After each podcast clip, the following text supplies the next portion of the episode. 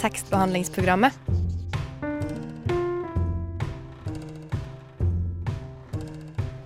Tekstbehandling på radio. Sola skinner, det er påske. Dagens skitur er akkurat unnagjort, og alle er fornøyde når de åpner den velfortjente soloen eller tar en slurk av den etterlengtede ølen og setter seg på plass i solveggen. Ah, nå kan endelig resten av dagen begynne. Og den skal vies til mord, etterforskning, obduksjon og bortføring. Påske og krim er uløselig knyttet sammen. Så originalt eller ei, er det derfor på sin plass at vi i påskeuka må snakke om nettopp påskekrimmen her i tekstbehandlingsprogrammet. Eh, I dag i studio så er det meg dere hører, Sara Lene Engesvik, og med meg er Katrine. Du kan jo introdusere deg selv, Katrine.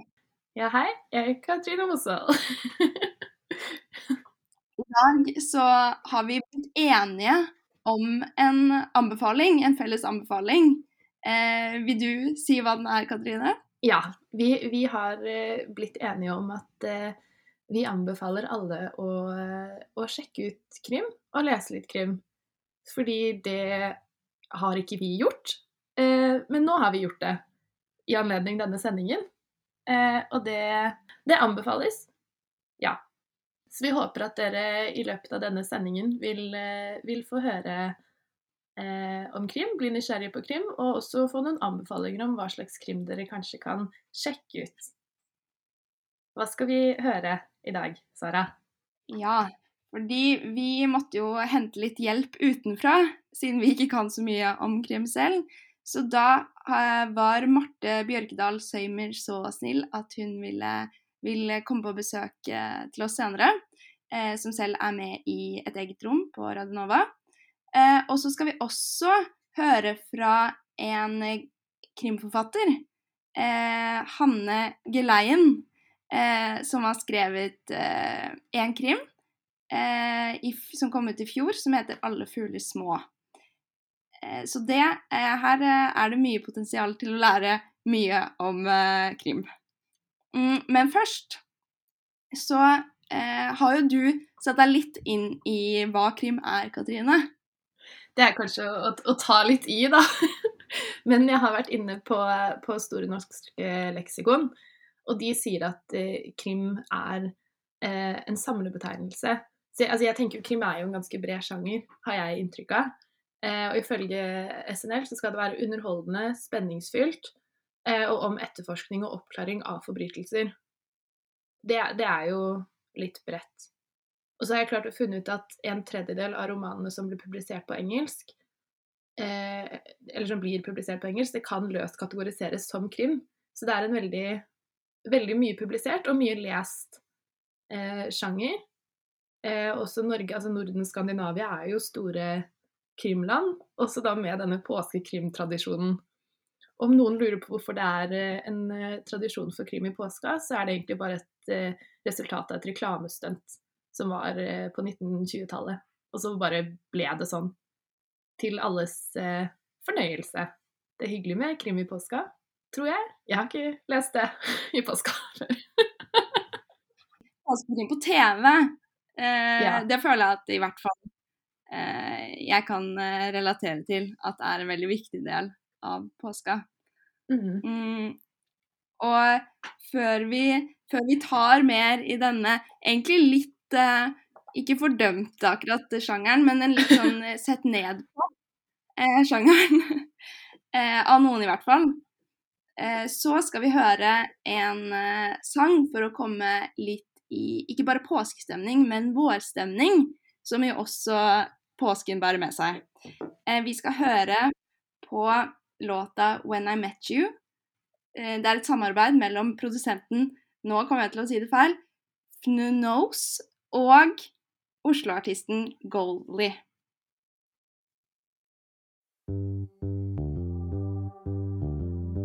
Siri? Jeg er din assistent. Ja. Hører du på tekstbehandlingsprogrammet? selvsagt. Gjør som Siri. Hør på tekstbehandlingsprogrammet.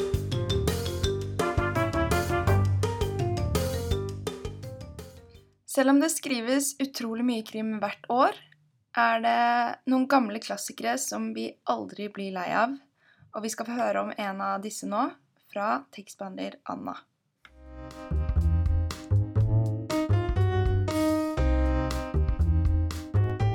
Agatha Christie er et navn de aller fleste har hørt.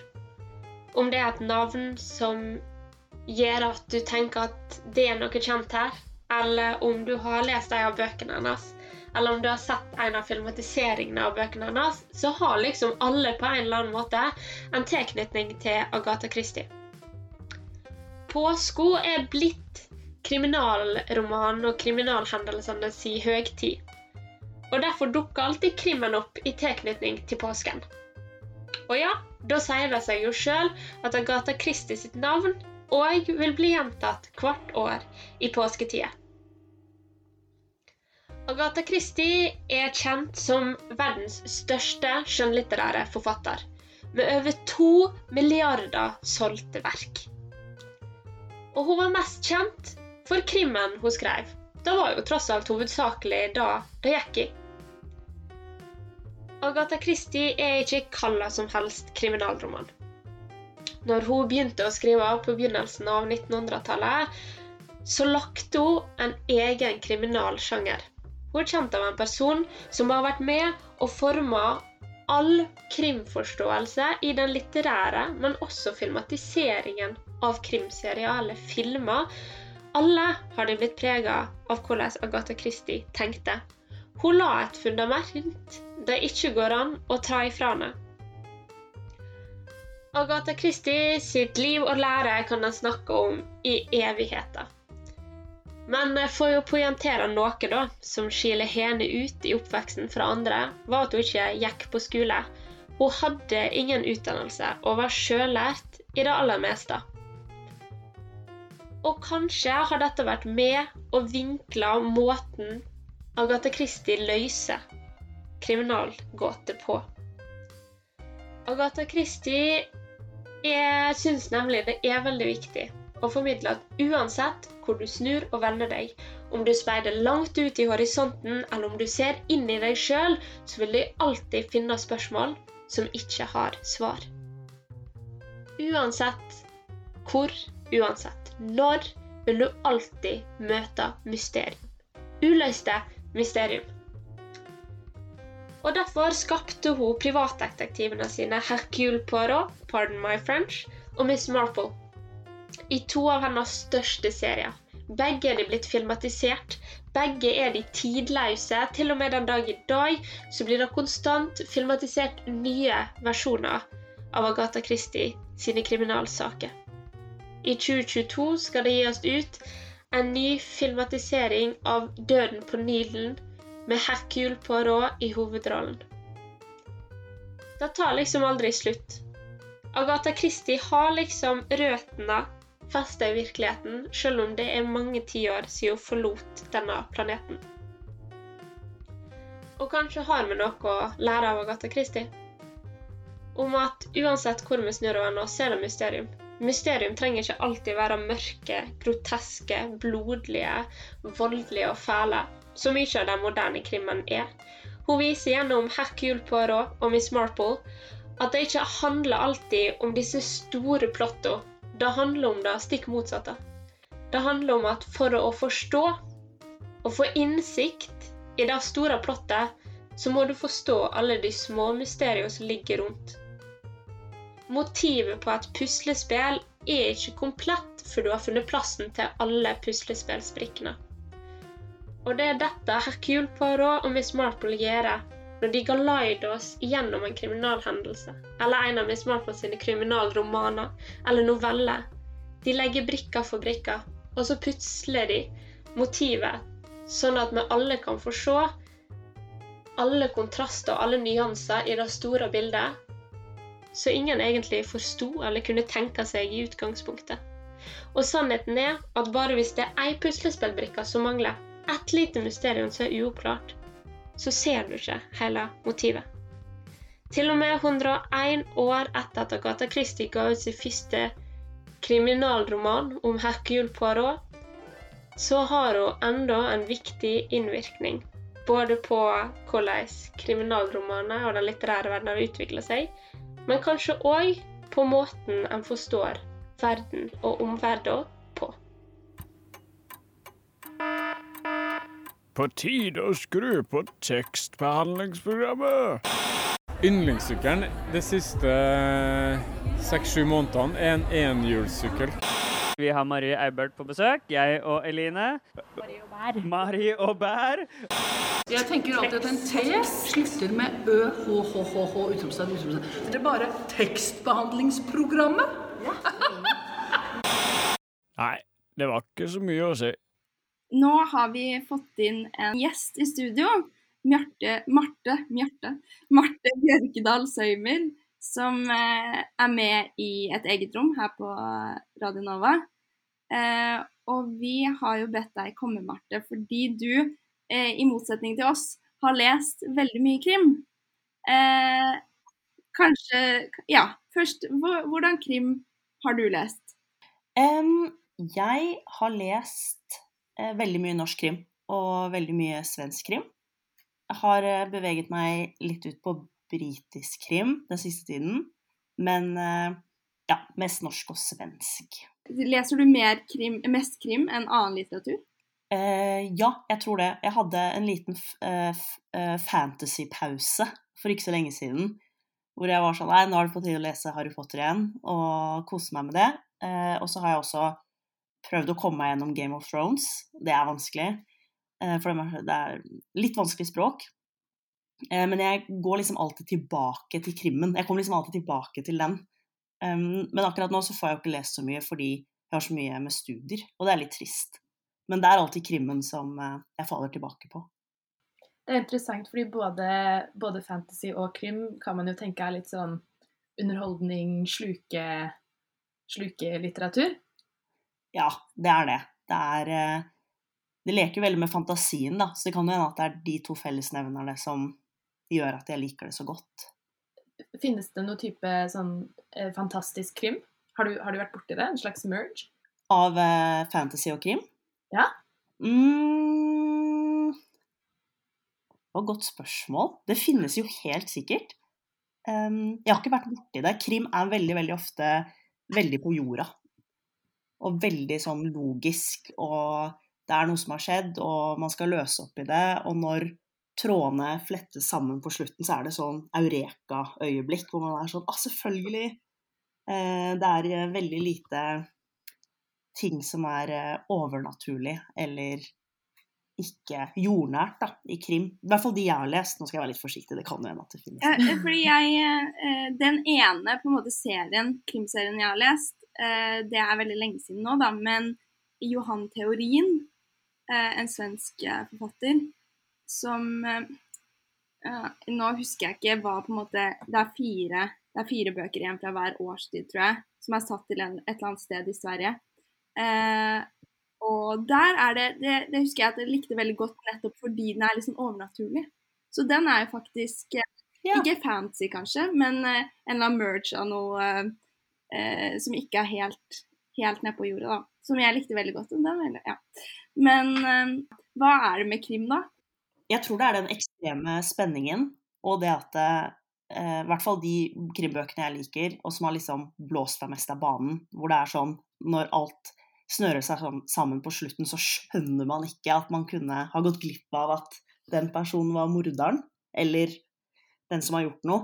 Um, og jeg tror, nå har jeg, jeg begynte jo å lese krimbøker ganske tidlig, og da startet jeg eh, med Karin Fossum. Og det er en veldig, veldig god eh, eh, god serie som hun har skrevet, da. Eh, og knyttet meg veldig til de eh, karakterene i, den boka. Og så introduserte mamma meg da for sånn Unni Lindell. Og da sleit jeg veldig med Jeg var sånn Nei, jeg kan ikke bytte ut eh, eh, karakterene hos Karin Fosse med noen andre. Men så ble jeg jo veldig sånn eh, opptatt av Unni Lindell sine bøker, og sånn har det vært hele tiden. Men det var nok ikke før jeg leste Jo Nesbø, hvor jeg var sånn Å, herregud. Dette, det er jo dette som er god krim. Og på en måte da var sånn Nei, kanskje ikke de andre bøkene jeg har lest, er så gode, da. Eller de er gode, men de er ikke så gode som hans. Og det jeg tror det er Isolert sett så tror jeg det er hans bøker som Det er en måte han skriver på, Og klarer å bygge opp ting, og også eh, skjule det åpenbare, som gjør at man blir så overrasket. Og jeg føler at uansett om man har lest mye krim eller lite krim, så klarer han å liksom flette det sammen på en sånn måte at det, det er så litterært genialt, da. Så man blir liksom overrasket av hvor flink man kan være til å skrive. Og du, du, er jo da, du er jo med, som eh, Sara sa, i et eget rom som jeg, jeg lurer på Kaller dere dere Radio Novas feministiske alibi? Eller har jeg bare tenkt det i hodet mitt? Eh, Radionovas feministiske radioprogram, i hvert fall. Ja, i hvert fall det. Eh, leser du krim fra et eh, feministisk perspektiv til tider, eller legger du det litt til side? Eller syns du det også er spennende med krim, at den kan kommentere på samfunnet?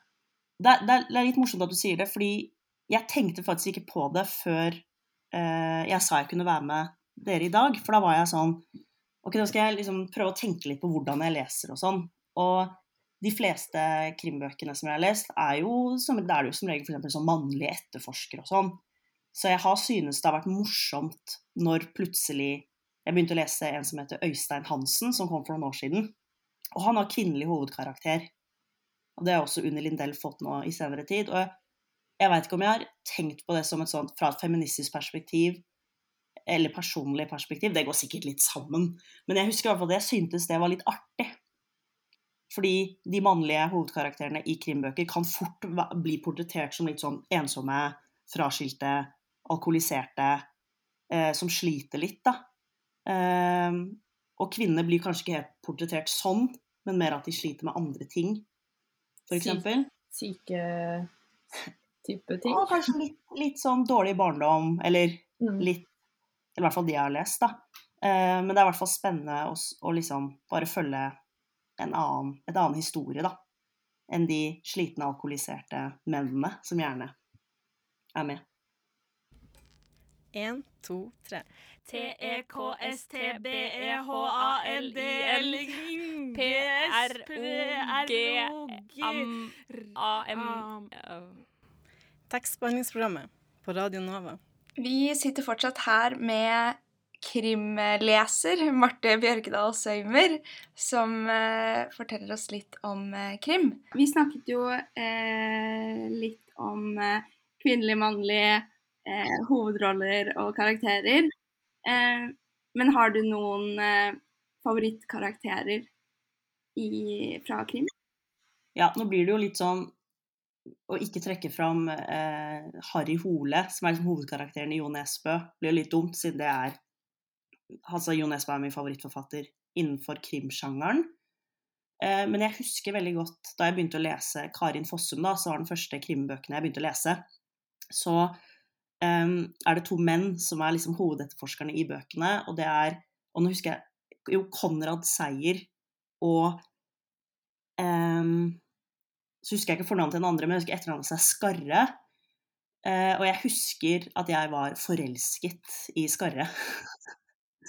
eh, og den tror jeg liksom sitter litt ennå. At jeg har liksom sånn ah, Fordi han var portrettert som litt sånn ung og eh, med sånn lyse krøller. Eh, så han var en favoritt lenge. og så, så må jeg også trekke fram Stig Larsson-bøkene med Millennium-trilogien som er en blanding av mye. Men Lisbeth Salander, der har vi jo en perfekt feministisk alibi. Hun er jo, hun er jo helt rå, så det tror jeg alltid vil være en favoritt. Um, og så har Tom Egeland Han skriver jo bøker om en litt sånn trøblete person som heter Bjørn Beltø. Og han er liksom så kompleks og så trøblete. Så noen ganger kan man kanskje bli litt oppgitt, men ja, han er nok også en sånn favoritt, da. Mm. Som jeg syns er veldig sånn godt å komme tilbake til. Hvis det kommer en ny bok, så er jeg sånn ah, Nå skal vi høre hvordan det går med Bjørn. du, du, sa at du likte eh, spenningen som er i krimmen, men eh, liker du også når det blir litt sånn eh, grotesk? Kan det bli for grotesk? Mm. Både og. Um, fordi det kan være sånn intens spenning at jeg har noen ganger måttet liksom eh, skumlese gjennom neste side, bare for å se hvordan det går. Um, og den spenningen syns jeg er Den er fantastisk, men eh, når det blir altfor grotesk, så kan jeg slite med det, faktisk. Fordi jeg glemmer det ikke. Um, så spenningen i seg selv er veldig grei, men med en gang det blir så, så, sånn grotesk at det går utover i tortur, f.eks., eller veldig sånn klaustrofobisk, som noen ting kan bli portrettert, det, det kan jeg synes være litt vanskelig. Og der har jeg blitt sartere ettersom jeg ble litt eldre. At jeg liksom klarer det mye Eller det setter seg så mye lettere nå enn det gjorde da jeg var 18. Så jeg får sånn traumer av noen av de bøkene. Så det er noen ganger jeg har vært sånn Nei, nå må jeg ta en pause. Tror du det er verre å, å lese sånt enn å se, se, det på TV? Ja, det tror jeg 100% Og det tror jeg er fordi man skaper egne bilder. Og egne bilder er så mye mer Eller det kan bli så mye verre, for det er ikke noe rammer. Um, nei, ja, det er jeg helt sikker på. Det er sikkert derfor også Eller, ja. Og du, du går så inn i det, og det tar lang tid å lese en bok, mens en film er jo over kanskje på to timer, da. Men tenker du at det da er sånn ah, det er unødvendig av uh, forfatteren å skrive det så groteskt, eller at feilen ligger mer i at Eller ikke feilen, da, men at det er sånn nei, dette bare tåler ikke jeg. Jeg tenker jo sånn oi, dette her tåler ikke jeg, men jeg, jeg, har snakket For det var en periode jeg måtte ta en pause fra Jo Nesbø, en litt personlig pause. Eh, og da sa kusinen min at, hen, at, da hun leste de bøkene, så måtte hun stoppe på et tidspunkt fordi det ble for groteskt. Mm, men de siste bøkene i hans serie er ikke så grotesk, grotesk skildret. Men noen ganger så legger han Noen ganger så er han sånn at han ikke skildrer det groteske, men lar på en måte leseren selv fantasere. Og da blir også det ille, på en måte. Så Men det er ikke sånn at jeg syns det er unødvendig, for det er ikke en vane i krimbøker at det er fælt nødvendigvis, og veldig ekkelt. Så det er ikke noe sånn at jeg tenker at det er unødvendig. Um, og jeg tror nok det er mange som liker det også, fordi det er jo noe med hele den som gjør det mer spennende, da.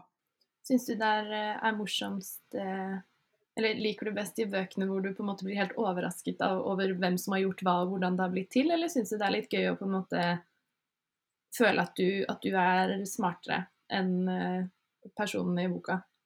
Nei, jeg elsker å bli overrasket. Det er uh, en sånn intens glede. Det er sånn barnslig glede. uh, når, når, jeg blir sånn Hæ! Herregud, det er det sykeste! Og kanskje noen ganger, hvis man klarer å knekke den koden først, så er det kanskje litt kjedelig. Mm. Um, men det har, det har, ikke skjedd ofte, faktisk. Altså. Vi lurer på hva, hva skal du løse i påska, Marte? Hva jeg skal løse? Lese eller løse? Krim? Løse litt krim? jeg skal eh, Vet du hva, det skal faktisk være så kjedelig at jeg skal lese til bachelor. Så det er ikke så mye krim. Um, men jeg lurer på om jeg skal uh, ta en liten hvis jeg skal lese noe, så har jeg tenkt at jeg skal ta en liten tur tilbake til uh, min venn, nære venn og kompis uh, Stig Larsson. Og kanskje sjekke hvordan det går med Lisbeth Salander. Det er en stund siden. ja. Det var i hvert fall veldig hyggelig å ha deg eh, her, Marte. Takk for at jeg fikk komme. Spennende, spennende å, å, å prate med en krimelsker. Ja. Vi har en annen eh, tekst, vi har en annen tekstbehandler eh, som ikke er her i studio, men som har lagd en liten hyllest til en kjent og kjær detektiv i påskekrim. Og mimrer tilbake til sitt første møte med han. Vi skal høre hva Julia har å si. Hercule Poirot, a Belgian detective who became internationally famous, has died in England. His age was unknown. Mr. Poirot achieved fame as a private investigator after he retired as a member of the Belgian police force in 1904. His career, as chronicled in the novels of Dame Agatha Christie, his creator was one of the most illustrious in fiction. At the end of his life, he was arthritic and had a bad heart. He was in a wheelchair often and was carried from his bedroom to the public lounge at Styles Court, a nursing home in Essex, wearing a wig and false moustaches to mask the science of age that offended his vanity. In his active days, he was always impeccably dressed. Slik beskrives Poirots lange virke og lille person i en nekrolog publisert i 1975, og da var han den aller første fiksjonelle karakteren som fikk en nekrolog i New York Times. Dette var hans utgang fra krimverdenen. krimverden, og den ble annonsert av Agatha Christie. Han entret krimverden derimot helt samtidig som Agatha Christie selv, med hennes aller første publikasjon, tilbake i 1920, da hun var 22 år gammel, og Poirot, vel, han var yngre. Selv plukket jeg opp min aller første roman av Agatha Christie, og min aller første bok om Poirot, i påsken da jeg var elleve år gammel. Jeg husker å våkne tidlig, snike meg ut fra soverommet jeg delte med søsteren min, sette meg i stua og lese helt til de andre sto opp. Det var aller best å lese krim om morgenen, syntes jeg. Det krypende ubehaget som bare blir mer og mer til stede utover i krimromaner, var noe mindre ubehagelig. Kanskje var det ikke egentlig tiden på døgnet det handlet om, men Poirots varme og vinnende vesen. Jeg stolte på helten, og det veide opp for den økende graden av uro boka ga meg. Poirot var rolig og fattet under press. I alle mulige situasjoner, som på restauranter, på reise, på hotell eller på små turer i store hager, var han alltid høflig og sjarmerende overfor sine samtalepartnere, enten de var venner, mistenkte eller begge deler. Poirot hadde en særegen klesstil. Han hadde mange faste språklige uttrykk og innslag av fransk i språket sitt. Han hadde spesielle preferanser i matveien. Poirot var sta og stolt, annet ved å irettesette de som uttalte navnet hans feil, eller påpeke at han var belgisk og ikke fransk. Sånn opplevde jeg Poirot da jeg leste om han for ti år siden. Ifølge Christie selv skrev hun Poirot bevisst inn i Sherlock Holmes-tradisjonen. Han var eksentrisk, han hadde en sidekick, Hastings var tilsvarende Watson, og politibetjent Japp var tilsvarende Lestrade. Mest av alt gir det mening å sammenligne Poirot med Holmes pga. intellekt. Poirot virker nesten hevet over alt som foregår rundt han, fram til han avslører morderen på slutten av boka. Der blir hans rettferdighetssans og moralske kompass synlig. Tydeligst kommer det frem i mord på Orientekspressen, hvor han ender opp med å ta et valg helt utenom det vanlige, fordi hans prinsipper kommer i konflikt. I et intervju har Agatha Christie sagt at selv foretrekker hun Miss Marple, en av hennes andre helter, over Poirot. Kanskje ble hun også skrevet frem som en reaksjon på at hun var lei av Poirot. Ifølge dagboken hennes kan det virke sånn. På et tidspunkt beskrev hun Poirot som insufferable og en egocentric creep. Likevel fikk han være med leserne gjennom 37 romaner og noveller, og sammen med Miss Marple har han sørget for å etablere Christie som krimdronningen. En krimdronning verdt å plukke ned fra hylla en gang, uavhengig av hvor selvgod Poirot kan framstå.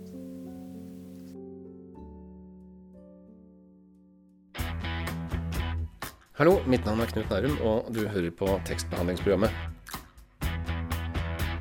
Jeg går i hvert fall ut fra at du gjør det. Det er helt riktig. Du hører på tekstbehandlingsprogrammet. Og nå skal vi høre fra vårt intervju med krimforfatter Hanne Geleien, som debuterte i fjor med boka 'Alle fugler små'. Velkommen til deg, Hanne.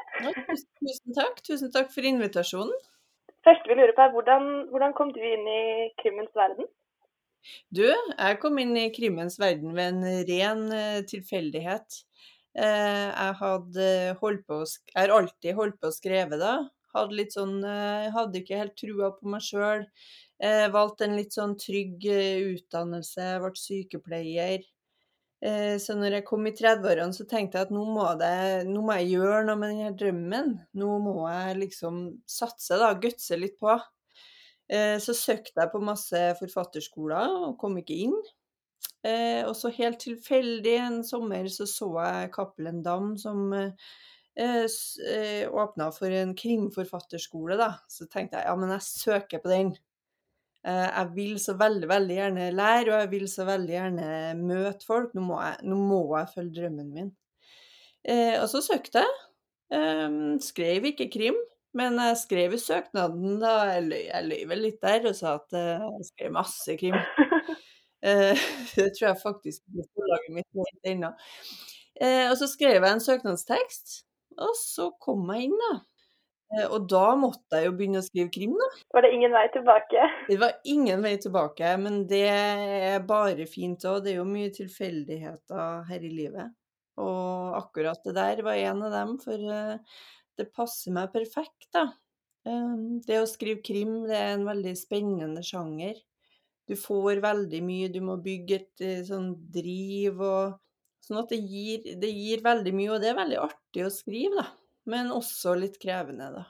Du sier jo at du ikke hadde skrevet noe særlig krim før du Eller du hadde ikke skrevet noe krim. Men eh, hva var forholdet ditt til krim? Sånn å lese det og sånne ting?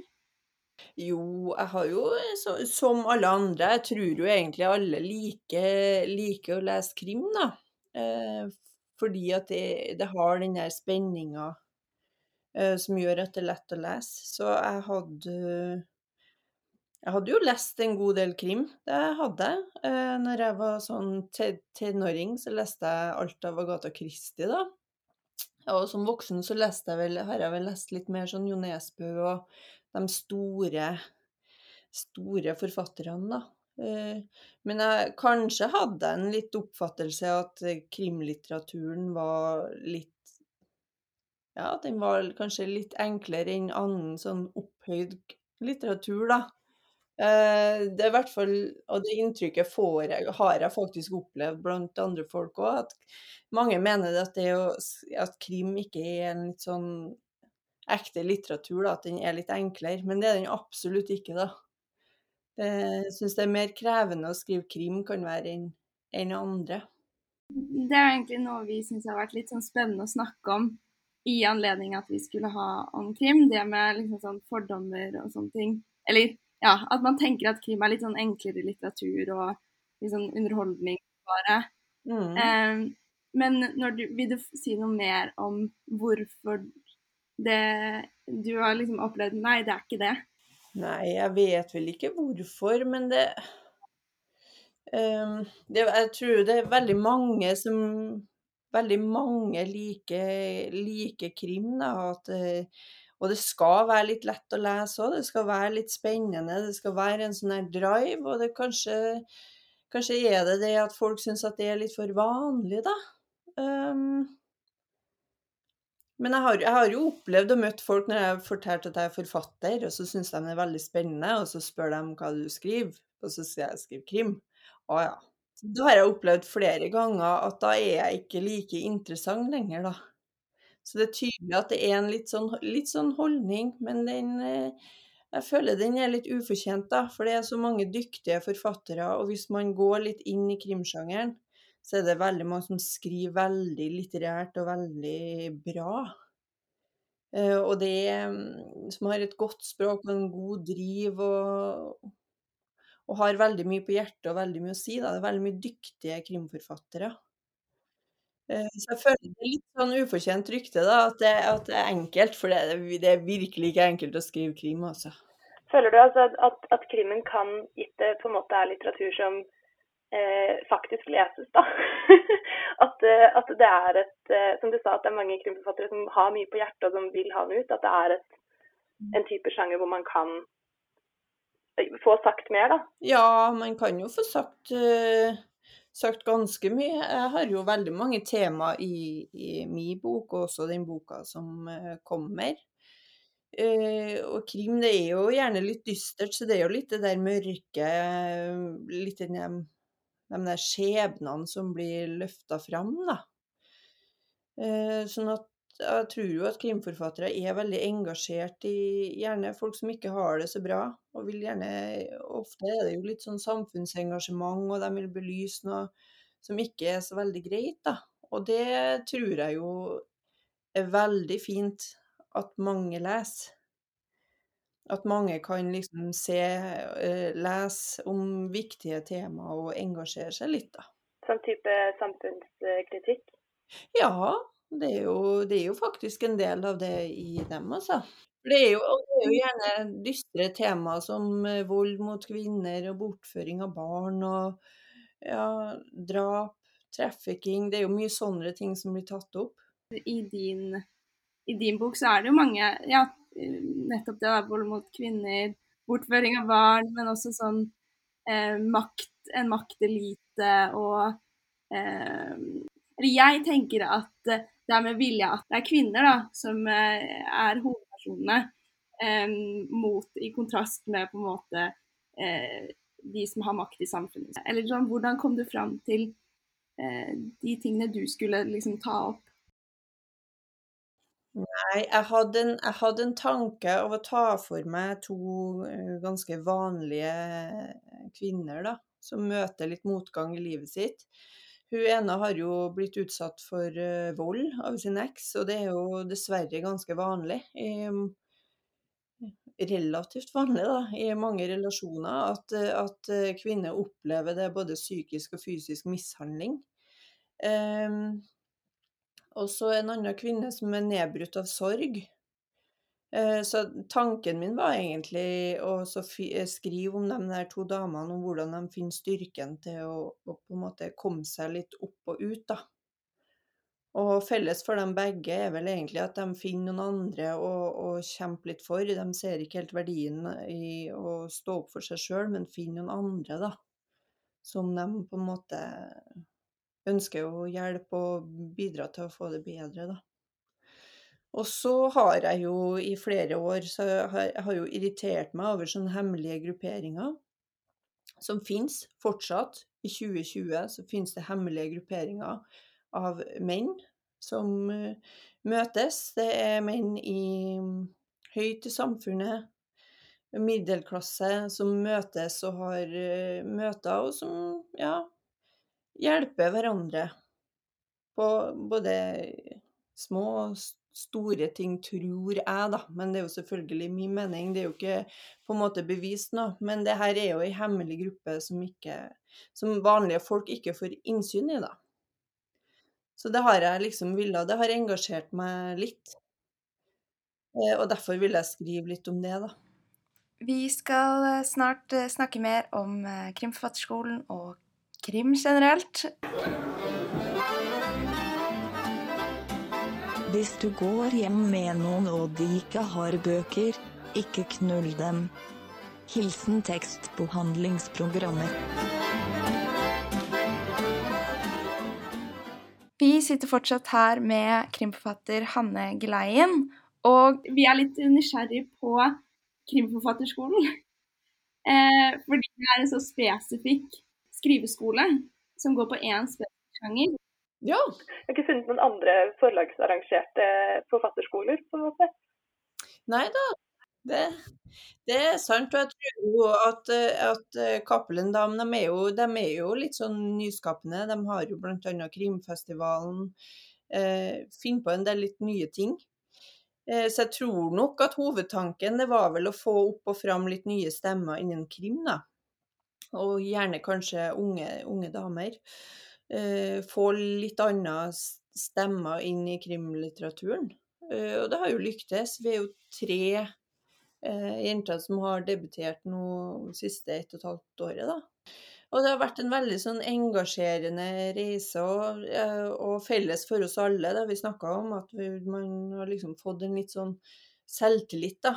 At det vi skriver på, det er noen som leser det, kommenterer det, det er dyktige lærere. Du blir veldig engasjert og begynner å få litt trua på deg sjøl. Og når man begynner å få litt trua på seg sjøl, så begynner det å skje ting, da. Eh, Da begynner skrivinga å bli bedre, og etter hvert også bra, da. Er det mye fokus på på en måte For krim eh, det, er jo på en måte det er jo en veldig bred sjanger, samtidig som det er ganske Jeg vet ikke om den også er snever, jeg vet ikke om det er riktig å si. Men eh, føltes det altså Var det sånn at du kunne komme med noe du hadde skrevet, og så få beskjed om at eh, det måtte være mer forutsigbart? Eller sånn Er det vanskelig å skli utafor at det på en måte skal være en krim? Jeg tror, jeg tror jo det er en veldig åpen sjanger, da. Og det er jo mange ulike Du har jo liksom psykologiske thrillere som er veldig inn nå. Så har du ordinære krim, og så har du sånn etterforskningskrim. Og jeg tror jo Og du kan skrive eh, ut ifra liksom flere personer, du kan være bare én person. Så at det er en veldig sånn åpen sjanger sånn sett, da. Eh, Men det bør jo være noe som har skjedd som man skal finne ut, da. Ja, det er eh, fellesen. Og jeg opplevde vel på, på skolen at det var veldig, det var veldig åpent hva du skulle skrive. Eh, men det er jo klart, det var jo Man fikk jo Måtte jo lære seg å ta imot kritikk. Eh, Vi leste jo høyt det vi hadde skrevet, og mottok kritikk fra de andre i klassen etterpå. Konstruktiv, da, selvfølgelig. Eh, Så det er klart det, at når man skriver noe, så er det jo det man har behov for, at noen påpeker hva som ikke fungerer, da. Så det måtte vi bare lære oss med en gang. At det var ikke noe mye klapp på skuldra og, og skryt sånn sett, fordi at det har lite hensikt, da. For vi, vi er jo der for å bli bedre. Så det var mye sånn Ja, og også forslag til hvordan å få det bedre, da, selvfølgelig. Ja. Var det noen kritikker som på en måte gikk igjen? At man på en sånn, ja, Var det noen kritikker som gikk igjen? Hva er vel spørsmålet? Ja, nei, det var jo Det som er vanskelig i krim, det er jo å få til en riktig spenningskurve og, og snekre sammen et plott, da. Eh, og det er faktisk ganske vanskelig, for man skal skrive et, et langt manus på en mellom 70 000 og 100 000 ord, og så skal man få til den her spenningskurven helt sånn perfekt. Man skal avsløre litt, men ikke for mye, og så må man avsløre det akkurat der da, for at leseren skal få en litt sånn spennende opplevelse, da. Og det er ganske vanskelig. Og jeg var ikke den eneste som strev med det. Det strevde jeg med også etter at manus var ferdig, så måtte jeg gjøre om og gjøre om og gjøre om det, da. Eh, Så det var vel noe som var utfordrende for alle. Jeg ser bare for meg at når man skriver en krim, så har man sånn bevistavle selv for Ja. å på en måte ha eh, kontroll. Ja, faktisk. Det var en periode der at eh, skriverommet mitt så ut som en sånn operasjonssentral. Så jeg tenkte litt at jeg så ut som et gal, galt menneske som jobba her, for jeg hadde Post-It-lapper, og jeg hadde sånn gråpapir hvor jeg tegna sånn kurver og grafer og skrev opp. Og jeg hadde forskjellige farger på Post-It-lapper ut fra hvilke stemmer som skulle være i hvilke kapittel og sånn, for det er ganske sånn komplisert å ja, kjøre sammen det her. Holde tunga rett i munnen og ikke passe på at det ikke blir noe sånn type eh, faktafeil. Eller altså sånn, hvor, hvor useriøst vil man ha det, på en måte? For det finnes jo, finnes jo noe krim som på en måte baserer seg på noe som man tenker sånn Dette er urealistisk. Men så er det spennende lesning for det. Eh, hvordan var det for deg? Nei, jeg ville jo ha det litt realistisk. Jeg har jo skrevet fra min egen arbeidsplass, eh, St. Olavs hospital. Eh, ville liksom få fram et litt annet miljø enn en sånn eh, ren sånn politiroman, da. Så jeg tok jo eh, plassen som jeg kjenner godt til. Og jeg vet at det er masse dyktige folk der, så jeg gjorde masse research på St. Olav, da. På f- patologisk eh, avdeling, da. Um, så jeg sjekka at det var riktig det jeg sa, men en del friheter det måtte jeg jo, måtte jeg jo ta meg for å, at det skulle bli spennende. Som jeg også sa til en overlegen der, at det her er jo ikke noe dokumentar. Jeg må jo gjøre det litt spennende, for han var ikke helt sånn Han ville at jeg skulle gjøre det veldig naturlig, da. Ja, ikke, Han ville at det skulle ikke være så mye blod og gørr og sånn. Men det er det jo heller ikke, da. Og den neste boka det er også, også baserer seg på syk i sykehuset, har jeg forstått? Ja, jeg har gjort en veldig spennende research. Det har jeg jo gjort på noen virkelige saker, da. Eh, Jeg kan liksom ikke si så mye før det er, er ferdig, men det er også igjen mitt, eh, mitt fagfelt, ja. Og det er jo flere, flere av de samme hovedpersonene. Eh, Så det ikke, jeg går ikke så mye inn på politiet nå heller, da. Og jeg har gjort masse research den gangen eller Jeg har gjort masse research, og det har vært kjempespennende og artig. Ehm, Jeg fikk lov å slippe inn på Justismuseet i Trondheim. eh, Jeg fikk være der i flere dager og se på materialet og snakke med dem som jobba der. Og det var, det var, ja, det var skikkelig spennende å få gjøre research, faktisk. Tenker du mye på, eller du kjenner da andre eh, krimforfattere, om mange har et ønske om å på en måte utvide krimsjangeren eller skrive noe nytt, Eh, eller utfordre krimsjangeren, eller om man heller om man nerder litt krimsjangeren når man først skriver krim, og prøver å heller bruke det som er allerede etablert. Har du noen tanker om det? Jeg tror det er begge deler. Eh, Jeg tror det er mange som ønsker å komme med noe nytt og utfordre litt. Det er jo det siste som har kommet, er jo de her psykologiske thrillerne, hvor du liksom skal lure leseren. Det er jo en kjempespennende måte å jobbe på. Eh, Men så er det jo også dyktige krimforfattere som nøler litt på den der klassiske krimromanen. Eh, og, som, og det er masse arbeid som ønsker på en måte å lage en sånn gåte for leseren. Det finnes det jo mange krimforfattere som er veldig trofast til den sjangeren og har sin leserskare på det, da. Eh, Men mange krimforfattere ønsker jo selvfølgelig å komme med noe nytt og utvide. Eh, Ja, det tror jeg. Hvor føler du at du eh, plasserer deg, eller hva er ditt prosjekt? Ja, si det. Selvfølgelig har jeg jo lyst til å så på en måte komme med noe nytt. Det har jeg jo. Eh, men det tror jeg ikke at min debutbok er. Det tror jeg nok er en, en eh, krimbok. Eh, Fokuset mitt når jeg skrev den, var egentlig å få fram de her eh, karakterene. Jeg brenner veldig for de eh, personene i boka mi, så det var på en måte viktigst for meg, da. Um, og så prøver jeg å utfordre meg litt nå i neste bok og skrive en litt annen, litt annen sjanger, da. Hvor man kommer nærmere inn på gjerningspersonen, da, faktisk. Eh, Så jeg tror det kanskje ligger en sted midt imellom, altså. Ja. På, altså, krim hører jo påsken til, merkelig nok. Om du skulle selv ha valgt en, en sesong hvor krimmen heller skulle vært, hva, når skulle vært krimårstiden for deg? Å, høsten. Absolutt. Høsten. Høsten i Trondheim med Det vil regne fra september til helt ut desember, den dystre tida. Hvor man kunne sitte inn og drikke litt te og tenne stearinlys og lese noe spennende og bare høre vinen piske mot vinduet. Det, det er krim, krimsesongen for meg høsten, altså.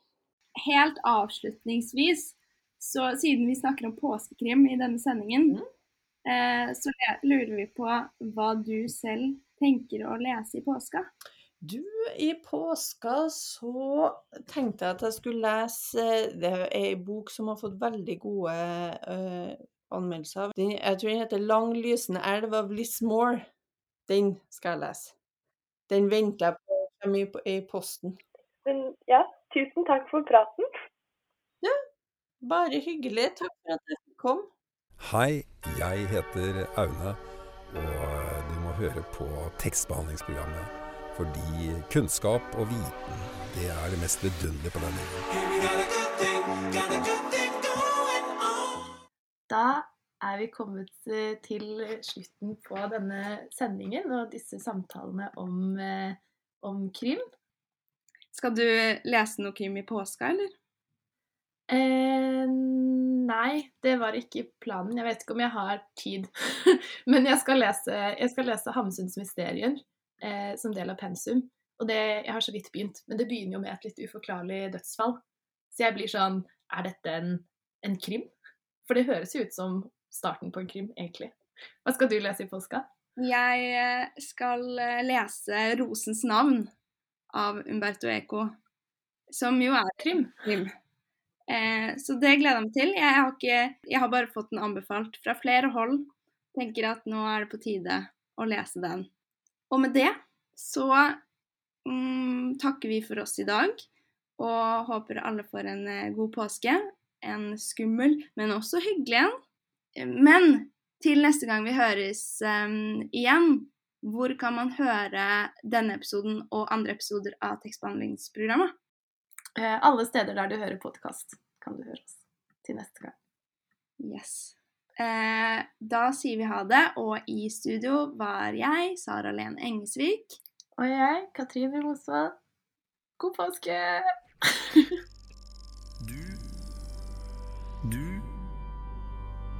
Du hø hører på, på Radio Nova.